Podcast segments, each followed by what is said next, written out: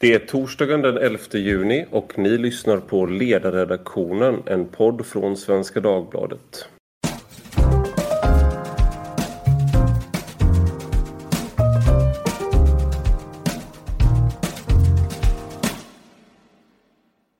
Jag heter Ivar Arpi och idag ska vi prata om det som sker runt om i västvärlden just nu i spåren efter protesterna mot eh, dödandet av George Floyd. Och Black, det började som Black Lives Matter demonstrationer och, men det har börjat ge andra ringar på vattnet. Eh, och en sån sak är att man börjar riva ner statyer eller ta bort statyer eh, runt om i världen, eh, framförallt i Europa och i USA. Och en sån staty var en eh, person i Bristol som levde på 1700-talet som även var slavägare och de, de pengarna han tjänade gav han till staden eh, och därför så blev det statyer till hans minne. Olson hette han. Och han togs ner. Och man har även vandaliserat statyer av Winston Churchill. Och nu har Londons borgmästare Sadiq Khan sagt att väldigt mycket av vår välfärd, vårt välstånd har byggt på slavhandel. Och nu så har han eh, tillsatt en kommitté där han ska då rensa eh, London och se om man kan städa undan eh, London från eh, man gör en översyn vilka statyer och liknande som ska bort och även vilka namn på gator som ska ändras. Och med mig för att diskutera den här frågan om vad som är rätt och fel har jag Håkan Boström som är ledarskribent på Göteborgs-Posten. Välkommen! Ja. Och Henrik Höjer som är, var länge på Forskning och framsteg men nu är på Kvartal och du är vetenskapsjournalist. Och historiker. Ja, och historiker. Och jag tänkte vi skulle börja med, eh, med dig Håkan för du skrev i dagens tidning i GP att Eh, att riva statyer är att lura sig själv. Eh, och jag tänkte bara du kunde berätta vad du menar med det. Ja, det jag menar är väl att eh, man eh, kan ha olika syn på vad historien ska vara till för. Eh, om, man, om man tror att eh, den dåliga historien är någonting vi ska gömma undan så tror jag inte man lär sig så mycket eh, av historien eller utvecklas själv att det på det viset lurar man sig själv om man så att säga retuscherar historien. Eh, det vi kan lära oss av historien är framför allt hur komplicerat saker och ting kan vara som den här slavägaren i slavhandlaren i, i Bristol som även gjorde väldigt stora sociala insatser för sin stad. Det, det är det där som är det intressanta med historien.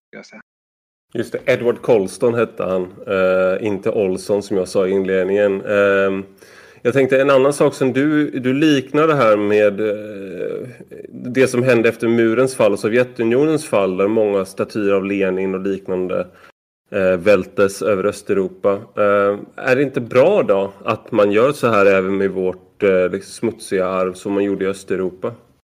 Som jag skriver i texten så är det en väsentlig skillnad att eh, partierna i Östeuropa väl, eh, liksom, togs ju ner i samband med att regimen föll. Det var en del av evolutionen om man får säga så. Eh, alltså, när det gäller de här gamla statyerna så är det någonting man får för sig långt i efterhand så att säga. Det är ju inte en del av en revolt mot ett nuvarande system.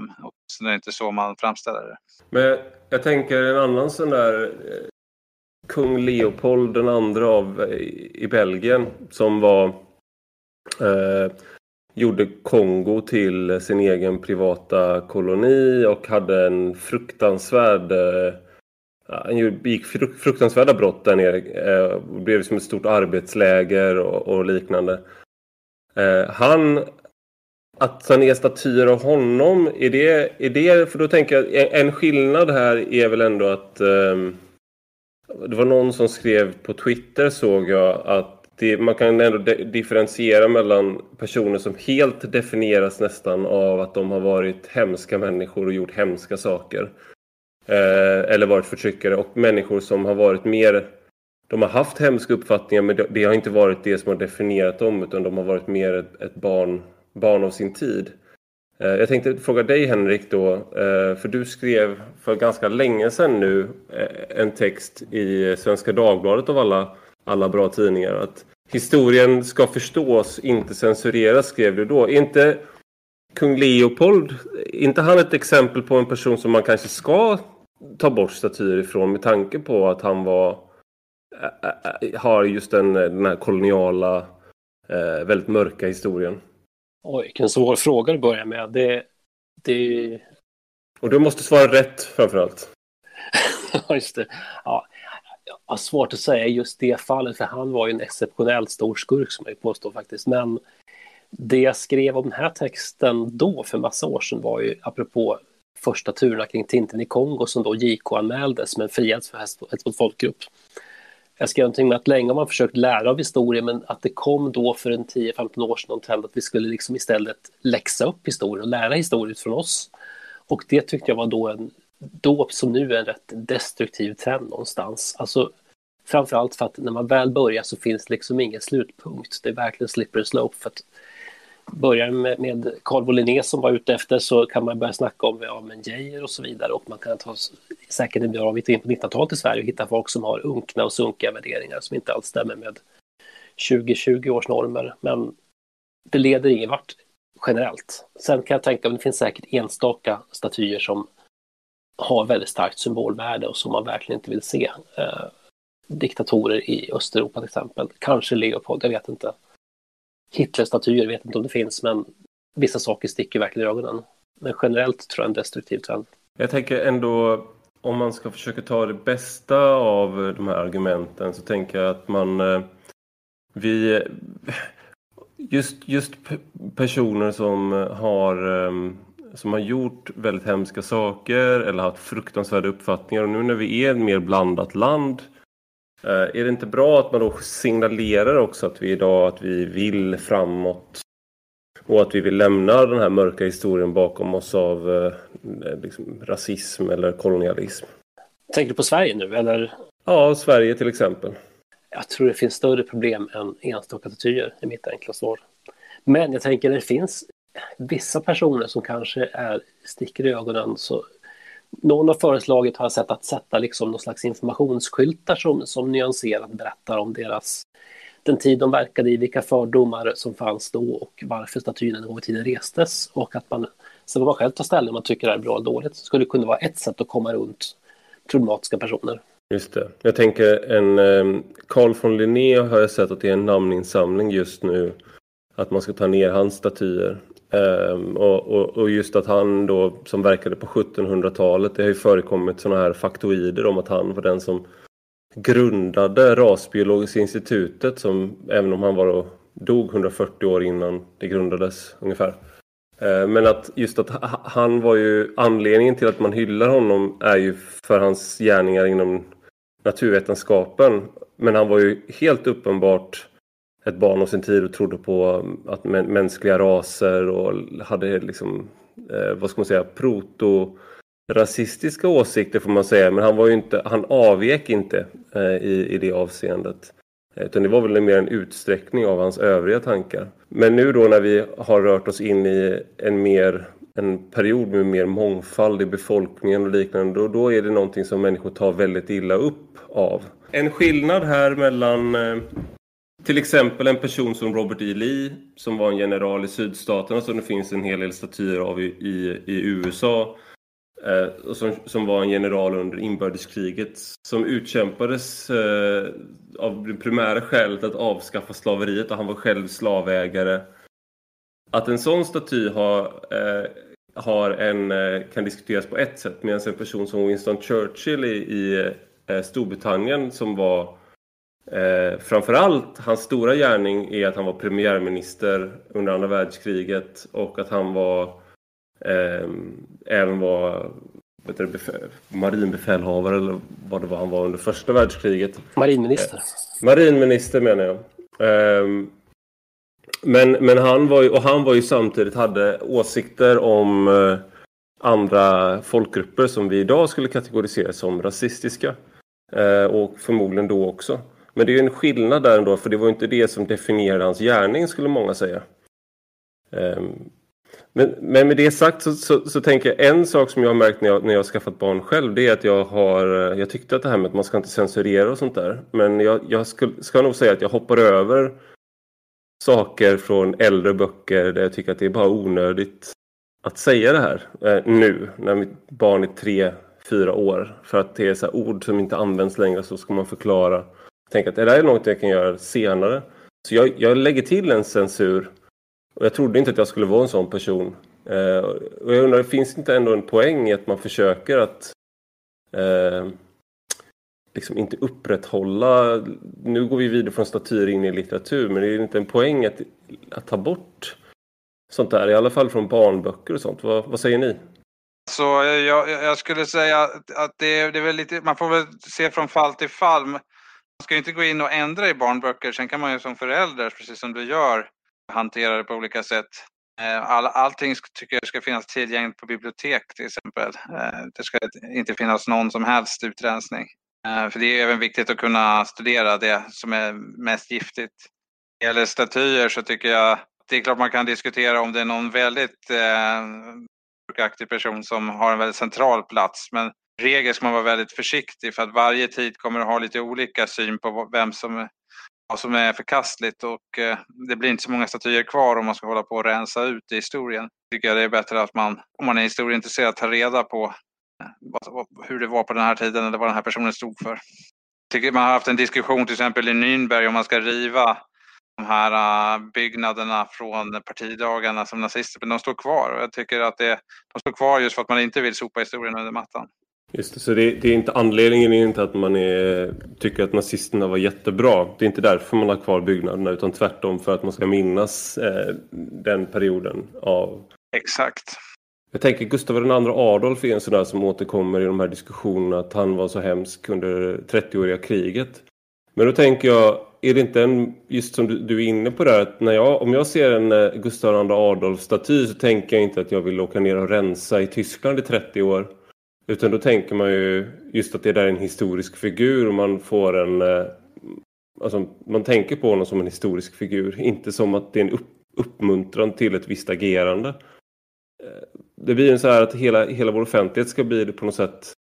Eh, jag vet inte, man ska bli, det ska bli uppbyggliga statyer med bra värderingar och liknande. Det är, det är som sagt som, som du är inne på där, det är svårt att veta hur man ska eh, trampa rätt där. Men, men jag tänker en sak du Henrik, som någonting du tog upp när vi, när vi pratade inför podden var ju att Eh, andra kulturer och andra länder de har ett lite mindre problematiskt förhållande till sitt eh, arv. Och då Får tog jag berätta? Du... Ja, berätta gärna. eh, ja, jag var i Mongoliet för två år sedan, jättekul, ganska precis två år sedan, så här års. Där byggde man för ungefär tio år sedan världens största ryttarstaty av Genghis khan, ingen mindre. och den var alltså 40 meter hög. Jag tog en hiss upp i den eh, och det föreställde då en av världens största erövrare och Eh, jag kan inte påstå att jag blev speciellt modisk av att se eller ens vara inne i den statyn, personligen i alla fall. Och jag är inte speciellt kränkt heller, även ifall han, hans barnbarn bekrigade europeer. Eh, och där var man ju jättestolt över den här statyn. Och ehm, jag vet inte vad jag ska säga med det, mer än att eh, statyer byggs fortfarande på 2000-talet av, av sådana här figurer. Och um, det är rätt, rätt makabert att se, får jag säga. Samtidigt som det är... Det, jag kan tycka att det finns nästan någonting... Eh, jag vet inte, befriande i att man, att man eh, är stolt över sin historia. Även för att det är just historia. Det är väldigt få som är skrämda idag av att Mongoliet plötsligt ska rida ut och erövra hela Eurasien igen. Nej, jag vet inte om några kineser protesterat mot den där statyn, men om de gjorde det så har det inte nått hit i alla fall. Och det sägs att det var kinesiska byggarbetare som faktiskt genomförde själva bygget. Jag tror det var klart 2008 eller 2009. Eh, men eh, nej, i andra delar av världen så byggs det statyer, helt klart. Jag undrar om det är någonting speciellt det är ju någonting som känns i alla fall, det är mitt intryck att det är något speciellt eh, västerländskt fenomen det här med att man ska rensa upp sin historia hela tiden. På, man har, ska på något sätt korrigera och be om ursäkt och ta avstånd eh, om och om igen. Ja, alltså självkritiken är ju en del av upplysningen som har liksom präglat Europa väldigt mycket sedan dess. Inte, inte jämt och inte överallt, men en, en idé att man ska vara självkritisk. Och det här är en, en del av det, tänker jag mig. Sen kanske man inte ska vara så självkritisk som man utplånar sig själv helt och hållet. Jag skulle säga att det här är ju ett progressivt arv från upplysningen som gå, kan gå för långt så att säga. Och jag menar, de kommunistiska staterna rensade ju verkligen ut historien Eh, i sin egen historia och den tidigare borgerliga historien. Eh, och det finns, ju, det finns ju något totalitärt i om man vill få bort alla fläckar i sin historia. Ska jag säga. Det finns ju en aspekt, aspekt av det där också att vi eh, Förvisso så, så, så tror vi inte på blodsskuld och vi tror inte på kollektiv bestraffning. Men i de här fallen så används ju så att säga vår historia Eh, och, liksom, och då de här symbolerna som statyer är och liknande. Det används ju som en slags anklagelseakt. Till exempel Carl von Linné då. Att han var, trodde på raser och han var... Jag, jag, har, jag har inte stenkoll på vad det, var han, eh, vad det var han faktiskt sa eller skrev om det. Men det blir på något sätt... Eh, en del av en anklagelseakt mot dagens Sverige ihop med Rasbiologiska institutet. Eh, och då kan man eh, på något sätt, då bör man ta avstånd från Linné för att på så sätt tvätta den egna skuld, bort den egna skulden i de här frågorna. Eh, håller ni med mig om den beskrivningen, att det är så det går till? Ja, kanske. Jag har inte följt detaljerna om det här uppropet mot, mot Linné och jag tror ju att det, att det är extremt få människor som, som på allvar är liksom provocerade av Linné. Det är min gissning i alla fall. Det är ett fåtal aktivister som är väldigt högljudda och driver sådana saker. Jag har inte sett hur många det är som har skrivit under den här namninsamlingen men det är nog inte, det är inte liksom tiotals tusen. Jag tror att det kanske är större. Det, mitt intryck är ändå att det är lite större den här rörelsen i, i de anglosaxiska länderna än i till exempel Sverige och Danmark, Norge. Att det är ändå det är färre människor det handlar om här. Jag tror Linné är mer känd för det här utomlands än i Sverige. Det var i södra Tyskland. Det var i, nu kommer jag inte ihåg, jag tror det var i Dresden, så hade de också, tog de också upp i Linné i det här sammanhanget. Klassificering. Okej, okay, alltså så att, att det var det, att han skrev om det? Ja, att han, hans klassificeringssystem för växter användes ju även på människor. Men sen det här är ju inte bara, det är också som du var inne på Henrik i din, eh, i din text eh, med Tintin i Kongo och liknande. Nu håller man ju på, det som är nytt nu är att man också ska rensa ut filmer eh, till exempel från streamingtjänster. Man har tagit bort Borta med vinden till exempel från HBO ehm, och liknande. Och det, det är ju en... Det finns, det verkar fin, vi verkar vara inne i en period nu när det är det känns som en andra period. Vi hade en period för några år sedan när det var väldigt mycket sådana här diskussioner och nu så känns det som att det är på väg tillbaks fast kanske ännu mer än då.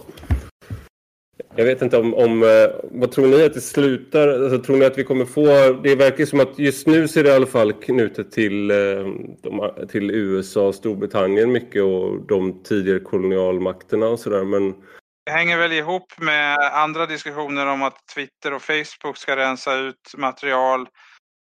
Youtube tar bort eh, gamla journalfilmer, andra världskriget för att de är olämpliga.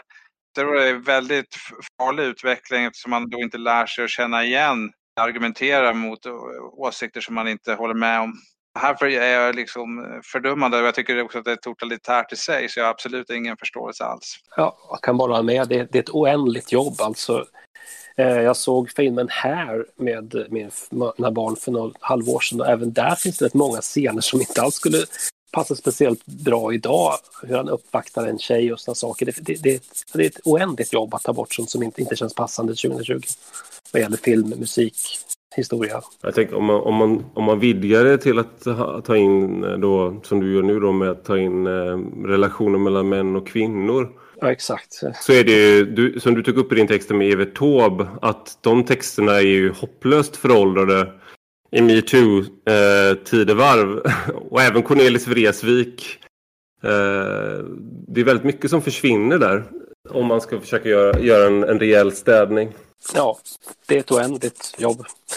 Men det också sammanfaller i tid med det här som ehm, eh, sker på tidningar nu. Eh, om ni har sett det med att eh, det var ehm, en, ehm, eh, en, en debattartikel som publicerades i New York Times där eh, personen i fråga eh, förespråkade att man skulle kunna sätta in militären mot demonstranter.